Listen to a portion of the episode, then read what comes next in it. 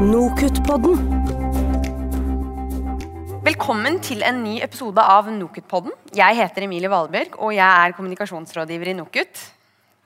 Med meg har jeg min kollega Aslaug Louise Slette, seniorrådgiver i NOKUT.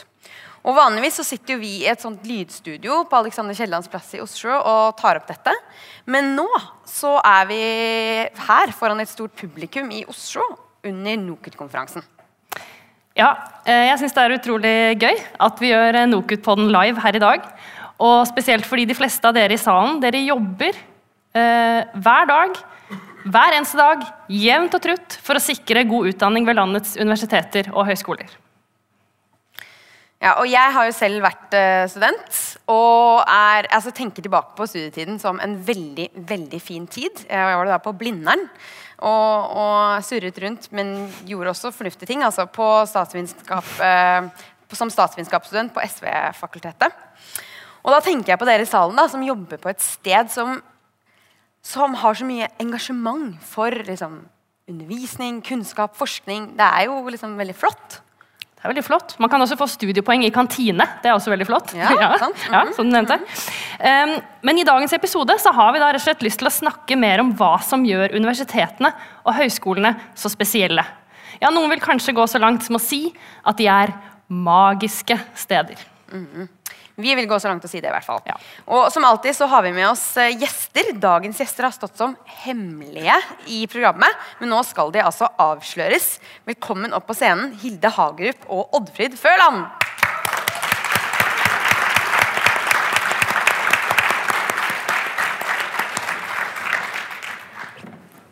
Sånn. Slå dere ned. Takk, takk. Sett deg der, du. Mm. opp på vottene. Og... Oppå vannet. Ja. Det er jo veldig tøft av dere at dere ville stille opp. Det må vi si først og fremst. Det er ikke alle som vil sitte på en scene på den måten her, så vi syns dere er tøffe. Takk for at dere kom med. Ja. Em, Hilde, vi skal starte med deg, fordi du er forfatter. Eh, Du har skrevet masse bøker, spesielt for ungdom. Og mange husker også kanskje julekalenderen 'Snøfall'. Den har du også sammen med faren din og søsteren din skrevet. Det stemmer. Og så er du underviser og veileder ved Barnebokinstituttet. Eh, selv så tilbrakte du studietiden din i utlandet. I Storbritannia. Eh, både i London og i Oxford. Og hvordan opplevde du denne tiden? Hva gjorde den med deg? Ja, eh, jeg tenkte jo på det i løpet av dagen i dag. Jeg må si Det har vært veldig inspirerende å være her og høre på, på alt det som har blitt snakket om fra denne scenen. Og jeg tenkte på det, det åpnings... Altså, i, I begynnelsen av dagen så snakket, eh, ble det snakket om dette her med hva vil vi liksom med studentene. Og da, eh, altså, hva, hva, Hvorfor skal vi ha studenter, hvorfor skal vi ha høyere utdannelse? Og da tenkte jeg selvfølgelig tilbake på min egen tid som student ved, eh, først ved SOAS og så ved Oxford Brooks, eh, hvor jeg gikk inn og trodde jeg skulle bli journalist. Det ble jeg ikke eh, fordi jeg er altfor feig til det, men, men jeg har i hvert fall fortsatt å skrive. Men jeg tror at selv om jeg ikke var en av de som, som på en måte direkte har benyttet den kunnskapen sant, i, i, i, yrket mitt, så, så som barnelitterær forfatter så er jeg opptatt av at empatien er, er litteraturens grunnrefleks. Det handler om lese og skrive handler om å forsøke å forestille seg hvordan det er å være en annen enn en selv. Eh, og, og det var nok, altså det å tenke på en sånn måte, det var nok noe som begynte for meg eh, eh, på SOAS i London. Hvor jeg liksom fikk altså på en, ikke sant? jeg har jo, Man har sitt indre kart, eller jeg har i hvert fall det. Eh, og, og der står knappenålen for meg stort sett i Nordvest-Europa. Men, men på SOAS så, så fikk jeg liksom en øvelse i å flytte på den. Hvordan ser, hvordan ser verden ut hvis jeg flytter knappenålen til Midtøsten eller Sør-Amerika? eller liksom, altså andre steder på kloden. Eh, eh, og, og, og, på, og, på den måten så tenker jeg at det liksom henger sammen. Da. Altså den, det jeg lærte på universitetet i, i, i et, si, et større perspektiv, da, og det jeg endte opp med å jobbe med. Mm. Nå var du litt inne på det, dette med litteraturen og sånn, men kan du også si noe enda mer om eh, hvordan denne tiden, altså opplevelsen, kunnskapen og ferdighetene herfra liksom har blitt med deg inn i forfatterskapet? Har du blitt en bedre researcher, eller er du Det, liksom altså det er klart at det noen ting har jeg tatt med altså jeg, jeg har akkurat gitt ut en, en biografi for voksne om Anne-Karin Elstad. og det er klart at Da da er jeg tilbake til den der biblioteket. Mm. eh, og jeg husker den følelsen av å gå, gå inn på biblioteket eh, med liksom kjempes øyne som tinntallerken. Er alt dette mulig å liksom ta til seg? Og det er det jo ikke. men- eh, men, men man får i hvert fall sånn der, den, den, det, altså, den entusiasmen rundt det å lære, da. eh, Det, det tror jeg liksom sitter i ryggmargen fra den tida. Og så er det da noen som blir så bergtatt av å befinne seg på innsiden av et universitet eller en høyskole som eh, student, at de bare bestemmer seg for å bli der eh, og starte en karriere. Eh, og det var det som skjedde med deg, Oddfrid. Ja. ja. Du ble. Ja. Mm. Du er utdannet biolog ved Universitetet i Bergen, og så jobber du i dag ved samme institutt. ja. Um, og du har gjort veldig mye forskjellig. Du har vært studiekonsulent, hatt mange ulike, ulike roller. Uh, og nå er du koordinator. Men du har beskrevet den derre eh, det der å gå fra å være student til å jobbe plutselig i en studieadministrasjon, som å komme backstage. Hva mener du med det? Nei, altså Som student så var jo perspektivet veldig ofte ja, fra, altså, fra faget, sant? og med studentene og så underviseren på den andre sida. Og så tok du jo sånne små steg innover i det der eh, akademiske fellesskapet. Sant? Altså Den dagen du fikk det nøkkelkortet som gjorde at du hadde tilgang eh, inn døra, liksom. Eller når du fikk en naturlig plass på lunsjrommet. Som, som var liksom sånne ja, milepæler i studietida, da du kom lenger inn i det der eh, fellesskapet. Men eh, når jeg begynte å jobbe som, som studiekonsulent, så fikk jeg jo liksom veldig den der følelsen av å oppdage hel, en hel verden på baksida av sceneteppet av eh, ja, en kompleks verden av både byråkrati, men òg et stort fellesskap og alle disse tingene som du hadde hørt om, altså alle begreper, sant? forskningsbasert utdanning eh, altså, Alle disse tingene, det, det hadde jo en mening for de folka bak det sceneteppet, som kanskje ikke vi forsto når Jeg, jeg forsto i alle fall ikke når jeg var på andre sida. Så det var jo òg å møte alle de der mennesker og som spiller på det der store laget som, som blir den undervisningen som skjer i klasserommet. da. Eh, og at de virkelig, virkelig bryr seg. Og så, og så fant, skjønte du at professorer, de er bare mennesker. Ja, professorer er også folk. Det skjønte Ganske da. sikker på det nå. etter Apropos eller? ja. Nei, og jeg, jeg kjenner igjen veldig det som, som Togny nevnte. Sant? Altså, jeg har, jeg har sittet på det kontoret og levert den studentevalueringen. den skikkelig dårlige studentevalueringen til en underviser som, som fikk den i fleisen. Og jeg har sett liksom, hva det gjør med noen. Sant? Og du, du, ja. du får et litt annet syn da. Og, og eh, du, har jo, du får jo òg en veldig sånn vilje og ønske til å hjelpe til og, og gjøre ting bedre. Fikk liksom et, ble det litt sånn at du hadde lyst til å gå ut til studentene og si sånn Jeg har vært backstage. Dere skjønner ingen Ja. Det er en hel verden der bak som eh, Fordi man skjønner jo ikke det når man er student selv. Da tenker man jo bare at dette her Og man tenker mer hvorfor er det ikke sånn? Ikke bare alt som faktisk er på plass. Nei, men jeg ble veldig, veldig bevisst i kommunikasjon med studenter på å begrunne. Sant? Og ikke bare si ja eller bare si nei. Eller henvise til en eller annen paragraf hvis, det, hvis du saksbehandler. Men å forklare på en måte eh, begrunnelsen for eh, hvorfor en beslutning ble sånn som den ble. da. At det, at det hørte inn i et større bilde. Det, det har alltid vært viktig for meg. Eh, og Aslaug, dette høres jo litt ut som deg også. Du har, eh, du, du har jo en, bak, eh, en baktid, en fortid, før du begynte i NOKUT, eh, fra Norges musikkhøgskole. Ja. Og da gikk du fra å være student og så rett over i administrasjon der også. Ja, jeg gjorde det. Jeg pleier å si at uh, Musikkhøgskolen var mitt andre hjem i 17 år.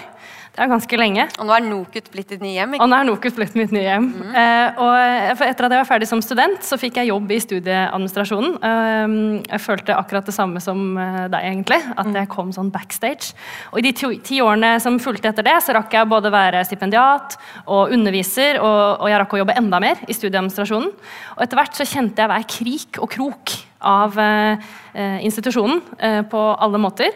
Um, og en av de, de tingene som, som jeg følte, var at, at jeg fikk en sånn enorm respekt for det maskineriet det er å drive et universitet eller en, en høyskole. Um, og at jeg fikk lov å bidra altså Fordelen med å bytte jobb så mange ganger da, innad i samme institusjon, er at eh, du kommer til nye konstellasjoner, nye grupperinger, nye avdelinger, og så får du lov å være litt brobygger. Mm. Eh, og det, det, var veldig det var en sånn takknemlig oppgave eh, å få lov å skape Bidra bitte lite grann med å skape noe bedre sammenheng. Mm. Ja. Um, Hilde, du nevnte i stedet med, med mm, å spørre liksom, hvorfor har vi høyere utdanning, det å in, altså, inkludere studentene. Mm. Um, hvordan ble, følte dere selv da dere var studenter, at dere ble tatt inn i et sånt fellesskap? Ja, Det tror jeg er ganske annerledes nå. For min studietid begynte jo i London. Eh, og jeg vet ikke hvordan det er der nå, men i hvert fall i Norge. Altså, da, og da, da, fantes det ikke fadderordninger. Eller at det var en veldig stor studieby. Så jeg forsvant, vi hadde i hvert fall ikke sånn at man dro på på tur, som vi har hørt om i dag. Altså, ja, til Sundvolden? Ja, Hvor gøy høres ikke det ut? Det er kjempelyst til. ja. Men det, det, gjorde ikke vi. Uh, uh, vi. vi. ble på en måte bare ja, vær så god, her er, her er timeplanen din. Uh, ha tre fine år. Det var Litt sånn føltes det. Ja. sånn at det, Der tenker jeg at det høres ut som det fungerer bedre i Norge og, og, og, i dag enn det gjorde den gangen da jeg var student. Mm. Ja, og Da var du heldig, fordi du så bare det biblioteket og løp rett inn, mens andre studenter kanskje løper ut igjen? Eller, eh, ja, sant, ja. Hvordan var det med for deg, Oddfrid? Dette felles, Kjente du på noe sånt å bli tatt inn i et fellesskap? Ja, det tok jo litt tid, da. Altså, vi hadde jo eh, Det var litt sånn du følte du fikk utlevert eh, i planen din, og så skulle du finne, helst finne noen å, å, bli kjent med etter hvert. da. Men i, i biologien så, så, tror jeg at det, det ble et veldig sterkt fellesskap med en gang vi hadde vært på feltkurs. Fordi når du har stått sammen med dine undervi altså underviseren og med dine medstudenter i striregn og identifisert starr i tre dager, da er du en del av fellesskapet. Mm. så det, det, var jo veldig um, det blir kanskje litt som å reise på tur til uh, Ikke sant? Man må på tur, kanskje? Ja, man må på tur, ja. Nei, og, eh, og, som jeg sa, det, det, var jo litt sånn små steg, følte jeg, inn i fellesskapet. Du finner jo først noen du blir kjent med, og så kanskje vokser den etter hvert. og så så kan, kan, kunne det ofte være veldig trygt å være flere studenter og ta det steget inn på det lunsjrommet eller banke på den døra og sånne ting, og komme inn liksom på den andre sida eh, til de professorene vi ikke var helt sikre på om var folk. Mm. Så, um, ja. ja.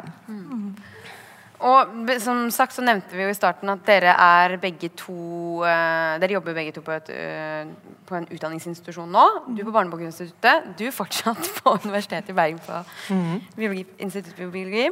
Uh, og med dette her Hvordan etterstreber dere å inkludere dagens studenter inn i et form for fellesskap? Vil du starte? Ja, nei, altså Jeg jobber jo på Norsk barnebokinstitutt, og vi har en kunstutdannelse. altså Vi underviser eh, folk som vil skrive barnelitteratur. Eh, sånn at det er klart at Jeg vet jo at vi er privilegerte. Vi har en liten gruppe studenter, veldig motiverte og godt voksne. Jeg tror snittalderen vår er 39. Eh, sånn at eh, det er klart, det, det, det er jo en, en, spesiell setting. Men, men jeg, jeg syns jo at vi er ganske gode på det med både evalueringer, eh, som vi også tar opp muntlig med gruppa. ikke sant, At vi diskuterer i fellesskap det, det de har sagt skriftlig. Eh, eh, så det gjør vi. Eh, og, de er med på å forme utdannelsen sin, altså, og, utdannelsen til liksom neste kull. Mm. Samtidig så er, nok, så er, vi nok også ganske bevisst på at altså, i hvert fall vi som, er, som kommer fra kunstnerisk praksis, det, det, gjør vi jo, altså, og, det, og, det, er en praktisk utdannelse. Vi er bevisst på at vi, vi utdanner også våre fremtidige kolleger. ikke sant? ja, man skal jo på en måte, ja, ikke sant? Og, og sånn at det, er, er, Man lærer begge veier, da. Altså, Hva mener du med det? Sånn at du kommer til å møte de igjen senere? Jeg tenker jo at... at Gjelder å behandle hverandre med respekt? ja, men, men altså, man, man, og man lærer jo ting eh, på en måte i et fellesskap. da, mm. At vi har en, sånn, en felles forståelse av at mm. eh, vi forsøker å finne ut av ting. Samtidig som, som, vi også har en kompetanse selvfølgelig, som de er interessert i. Mm. Så man skal være bevisst på begge deler. Mm. Men, det er, men, det er, klart, vi, er, vi, har 15 studenter, så det er en annen setting. Mm. Er det flere som kunne ønske seg 15 studenter sånn, eh, istedenfor de 350? Ja. Uh, Oddfrid? Vi har litt flere studenter. Ja. Ja. Du kan jo ja. si noe om det. Uh, ja, altså vi, vi, vi har vel 500-600, alt etter hvordan du teller, um, til enhver tid uh, på Institutt for biovitenskap. Men så er vi jo så heldige at vi har et senter for fremragende utdanning, der jeg jobber mesteparten av tida uh, mi. Og det, det gjør jo at vi kanskje har, uh, vi har et ekstra oppdrag å, å involvere studentene, men vi har kanskje òg muligheten til å dra dem inn på nye måter. altså Ikke bare som representanter, men òg som kollegaer eh, på mange måter. Så det, har... gjør dere det? Det høres kanskje avskrekkende ut for mange? Ja, nei, altså Vi, vi fikk en litt sånn her skrekk eh, altså vi, vi la i noen gamle handlingsplaner til UiB. altså Heldigvis utdatert nå, men de hadde en formulering der, der det sto at studentene skal oppleve og ha mulighet til å påvirke. Altså hvor, la, hvor, langt unna kan du komme og faktisk få være med i gjengen, liksom? så, så, det var liksom sånn, det var akkurat det vi ikke skulle gjøre. tenkte vi. Er det borte nå, Oddrun? Det er borte. Det lover Oddrun har sørga for det, så det, det Nei, så, så, vi tenkte jo at eh, kanskje mer enn å få lov å være med og ta beslutningene på slutten, så er det like viktig å ta med studentene i prosessen fram mot eh, et produkt. da. Eh, så vi har jo gjort forskjellige ting, men, men, jeg tror noe av erfaringen vi har gjort oss veldig sånn konkret, er å slippe de fri. La de få designe sine egne utviklingsprosjekt, og så kan vi henge oss på. Det er da det blir best. altså Da blir det veldig, veldig, veldig bra. Eh, og det er takk til NOKUT for eh, stipend til studentleda utviklingsprosjekt. Det fikk våre studenter, og utvikla flere prosjekt som vi fremdeles har, og som går så det griner. Som går på det å nettopp inkludere studentene i det akademiske fellesskapet på ulike måter. Som de driver sjøl, og som vi bare egentlig heier fram. da. Så det mm. Får jeg lov å spørre om noe? Er det lov Spør, spør? Men hvordan gjør dere det sånn rent praktisk? Altså, det høres kjempespennende ut. Mm. Går det an å si kan du, har vi Mm. Ja, ja, altså vi, vi fikk uh, 50 000. Ja. Um, som vi jo som ikke er veldig masse penger, men for, eh, for, studenter som har lyst til å utvikle noe, så er det masse penger. Eh, så vi sa eh, til våre studentrepresentanter i Biosid, som vi har fire stykker av, at har dere noen ideer, eller har dere lyst til å ta med de andre studentorganisasjonene til å utvikle noen ideer? Og det hadde de. Mm. Det, gjorde, gikk veldig greit. Og da sa vi ja, men det er 50 000 kroner, så dere må skrive en prosjektbeskrivelse, dere må lage et budsjett, og dere må liksom ha en prosjektledelse, og dere må organisere dette her. Og det var, det var jo strengt tatt ikke noe problem, men vi hadde jo baktanker med det. da. For når du har gjort det, så har du jo faktisk gjort noe kvalifiserende arbeid rett og slett, og lært noe i bare å gjøre det. Eh, så de har satt i gang en slags mentorordning i form av en orakeltjeneste, som fikk UiB sin læringsmiljøpris i, eh, i, fjor. Første gangen den ble gitt til studenter, så det er vi veldig stolte av. Eh, vi har fått en, eh, noe de kaller for Biospire, som, der de formidler kontakt mellom masterstudenter og ph.d.-studenter med yngre studenter, for at de skal kunne få være med de eldre studentene i forskningen deres når de er på felt eller på lab. og Være med dem og skygge dem eller hjelpe dem i en uke eller to. og vi har eh, et type sånn inspirasjonsprosjekter eh, med hva kan jeg gjøre, hva kan jeg bli, hvordan skal jeg utvikle meg for å møte de kravene som ligger der ute, med tidligere studenter og eldre studenter. Og undervisere hos oss. Så vi har mange sånne mindre prosjekt som ikke nødvendigvis går inn i emner og programmer som, eh, som element der, men som, som, ligger rundt i det læringsmiljøet som studentene befinner seg i eh, til vanlig. Mm. Og det kommer ut fra studentenes behov og, og initiativ? Ja, det, de har gjort alt sjøl. Ja. Kjempespennende. Mm. Ja, men det er jo, altså det, vi har jo tidligere jobbet jeg også i et senter for fremragende utdanning. Eh, og ble, ble, også veldig gira på hele denne studenter som partnere-tankegangen. Eh, godt igangsatt av eh, NOKUT. Da jobbet jeg på Musikkhøgskolens senter. da. Og, og hele den ideen om å trekke inn studenter mye tidligere. Altså jeg tenker Noen ganger så er det litt sånn, ja vi har involvert studentutvalget fordi vi har sendt de rapporten i etterkant. Mm. av et eller annet. Og det er liksom, Hvordan i alle dager skal de agere på det på det tidspunktet? tenker jeg noen ganger. Eh, hva med å spørre om studentene vil være med å utforme spørreskjema? f.eks. Eh, eller i det hele tatt sånn som vi nå gjør i uh, Sempe. Man er med i ledelsen. Man er faktisk med å titte på budsjettet. Man, man, får lov å være med litt mer der beslutningene faktisk tas. Være med å prioritere mellom ting osv. Da er man jo i dialog hele veien. Og det, mm, ja, det syns jeg særlig har vært, uh, ja, har vært veldig berikende å jobbe mm. med det. Nå snakker du også om på en måte, her er det Senter for fremragende utdanning, og det er penger involvert. og sånne ting, Men det går vel an å altså Det må jo finnes for andre som ikke sitter med en patt på 50 000. Da, altså litt sånn lavterskel uh, utprøving av å liksom inkludere studentene mer. Altså Stort sett uh, så ha, Vi kunne ha kommet unna med, med uh, litt innkjøp av vaffelrøre, og det tror jeg alle har råd til. det var jo òg litt for å kunne gi prosjektlederne litt lønn og sånne ting, f.eks. Mm. Um, ja, fordi vi er kanskje Vi er jo ofte tror jeg det er litt sånn tanke som vi har i bakhodet når vi involverer studentene, når vi drar dem med oss i alle disse prosjektene. og alt sånt, og det er liksom litt sånn balansegangen mellom å, å, involvere og forvente for mye. For de har jo faktisk en annen jobb de skal gjøre. Eh, de er jo fulltidsstudenter, de aller, aller fleste. Sånn at å ikke eh, så det du liksom vil skjerme dem for, for mye, eh, mye arbeid. Så eh, da hjelper de kronene til å da kan du jobbe hos oss heller litt enn å, enn å jobbe på Rema. Men, uh, ja. Men du snakker om det litt det der å slippe kontrollen da, og tørre å slippe ja. studentene til. Hvis det kommer en dårlig studentevaluering på, eh, på, måten ting gjøres på, så har jo dere sagt ja, men kan ikke dere gjøre det, da? Ja. For det ser, høres ut som dere har mye bedre ideer enn det enn det vi har hatt ja. Så da kan dere gjøre dette selv. Ja.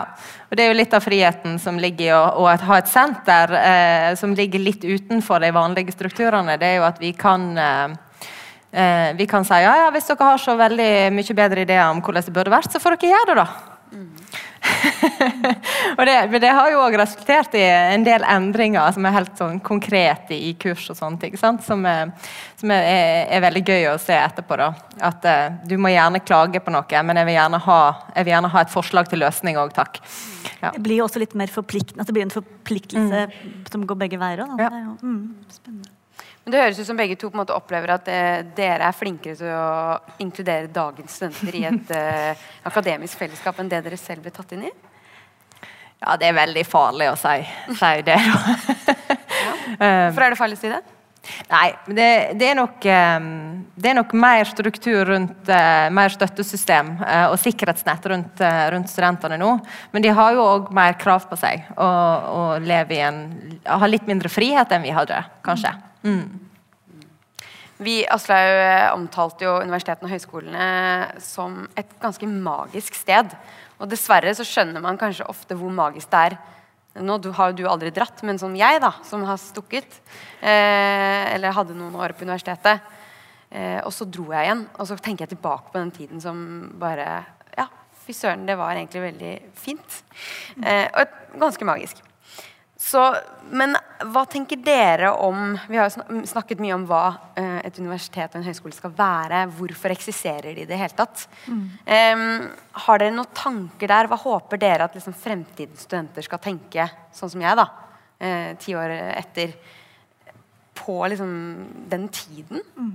Mm. Har dere tenkt noe på det? Vi har snakket litt om hvordan universitetene og høyskolene ofte kan være med på liksom, ja, tenne en, en, gnist, en læringslyst. Men så kan mm. du også komme inn på et universitet og tenke men her får jeg jo bare masse kon kontrabeskjeder, og ingenting kommer jo til å gå. Jeg hadde jo et uh, ideal om at jeg skulle redde verden. Uh, dere har jo biologer inne hos dere som kommer inn. Ja. Mm. Ja, Vi har jo spurt våre, våre, studenter, og egentlig biologistudenter i hele Norge, ja. hvorfor de vil studere biologi. Eh, og det er, det er, det kjærligheten til faget og skal redde verden. Eh, det er ikke penger og karriere som er motivasjonen. Det er rett og slett eh... Hvordan håndterer dere det? Studenter som skal komme inn og redde verden? Det kan jo være både... Ja, det kan jo bli utfordrende å bli møtt med kalkulus 1 da, mm. første dag. Um, men um... Ja, hvorfor er jeg her? Jeg skal redde verden. ja. Mm. Så ja, men vi prøver jo å bevare altså, det, det, er den motivasjonen som ligger i den idealismen, da, tenker jeg. Ved å liksom si at ja, du skal få lov å redde verden, men vi har lyst til å gi deg noen verktøy på veien, da, sånn at du kan, eh, du kan redde verden på en kunnskapsbasert eh, måte, med kritisk tenkning og, og i det hele tatt. Eh, at, dette, at den eh, Altså, du skal tro på det? Det, det har vi jo snakka om før i, i dag. Sant? Og de, de, tror jo veldig. Og så kan det hende at de mister litt den troen eh, på veien der, men, men de får kanskje òg med seg noen, eh, noen verktøy til å Eh, bygge den opp igjen og omsette den i, i politikk og i handling, og, og faktisk redde verden. da. på den måten. Mm. Hva tenker du, Hilde? Jo, jeg, jeg, altså, Vår utdannelse er jo en kunstutdannelse, og vi skal utdanne skrivekunstnere som skal eh, reflektere over egen prosess. ikke sant? Og jeg, og jeg er opptatt av det der med, med altså litteraturen som et, altså empatien som et springbrett. Og jeg tenker jo det liksom å holde fast ved det at man vil se verden på en annen måte. Man vil vite hvordan det er å være en annen enn en selv. Mm. eh, eller man vil på en måte få, altså, få kunnskap som gjør at man får et helt annet perspektiv på ting. At ikke man liksom dreper det der ønsket om eh, ja, altså, Det ønsker jeg meg for, for, for mine egne unger, i hvert fall. Når de går en gang i framtida, hvis de skal studere, at de, de, de fortsetter å ha den der, det, det ønsket om å eh, forstå verden fra en annen vinkel, da, uansett hva det er man liksom studerer. Da, at man, ikke, at man fortsetter å ha den der, eh, entusiasmen for det å lære, rett og slett. Da, enda så liksom banalt det kanskje høres ut i denne settingen, så, så opplever jeg at det, det er en sånn grunn... Ja, en grunn... eh, Hva skal jeg si, refleks, eller Ja. noe som jeg vil skal være med. Mm. Eller bare skjønne at det finnes andre, andre tanker og andre meninger, og omsette det til et eller annet. Hva tenker du, Astrid? Altså, eh, grunnen til at jeg fortsatte og fortsatte og blei en stund, var at jeg stadig ble nysgjerrig på nye ting. Og jeg ville lære mer. Og jeg ble inspirert av altså Det bare var en ball som rulla på seg. Eh, og jeg, eh, altså mens jeg både underviste og jobba i støttefunksjoner, så, så tenkte jeg hele tiden at håpet måtte jo være at, at, eh, at når man kommer ut av utdanningen, så er man man har mer kunnskap, men man er på ingen måte ferdig. Man tørster bare etter å vite mer. eh, og for eh, meg som kommer fra en musikkinstitusjon, så er det jo viktig å gå ut minst like inspirert som da du kom inn. Fordi at eh, det er så mye hardt arbeid, og hardt arbeid vil det alltid være. Men man må rett og slett ha lyst til å, å jobbe med, med musikken, da, for eksempel. Lyst, for lyst til å kommunisere, lyst til å stå på en scene osv. Og, så og det, mm, sånn sett i retrospekt, så lurer jeg på, særlig som underviser, at det løp litt mye fra time til time. Og passet på å undervise de tematikkene jeg hadde satt opp for den uh, uken. Uh, og passet veldig på å følge opp sånn og slik. Um, og um, ja, tenker kanskje at jeg ikke alltid um, uh, hvert fall, Det er ikke alltid jeg kanskje jeg vannet den, eh, den planten som var eh, inspirasjon. Ja. Jeg, bare si at jeg kjenner igjen det fra, fra det feltet som jeg jobber i, altså liksom skrivekunst. Det, det ønsket om at liksom studentene, det, det jeg vil med studentene mine, er at de skal, hvert fall når det er veiledning på hovedprosjekter, at de skal komme ut av veiledning og tenke å nå vil jeg i hvert fall skrive. ikke sant? At de kommer, Det er ikke alltid jeg får til det, men å ha det som et mål. da. Eh, at de, de liksom, at de, de kommer ut eh, eh, på en måte eh, på en sånn slags oppadgående kurve i forhold til en følelse av å ønske å jobbe. da. Mm. Jeg syns det er veldig vakkert, mye av det som har blitt sagt fra scenen her. Men eh, hovedpoenget er jo at eh, dere jobber på et magisk sted. Eh, og det vet dere kanskje allerede, men jeg tenkte det var greit å minne dere på det. Spesielt i ett, altså sånn når man kommer mot slutten av en sånn her type konferanse. At eh, dere er med på å ja, skape et magisk sted for kollegaer og ikke minst for studentene. Så da tror jeg vi skal si at vi har gjennomført vår eh, aller første Nokutpod live. Og Nokutpoden den kan lastes ned eh, der hvor du henter podkast. Men den kan også høres på direkte fra Soundcloud. Eh, vi skal også passe på å legge ut lenker, og dere finner den også på NOKUT.no sine sider. Så håper vi dere at dere vil høre på det, og at dere sprer videre til kollegaene deres. Og da tror jeg vi er ferdige for i dag også. Litt votter. Litt votter. Ja.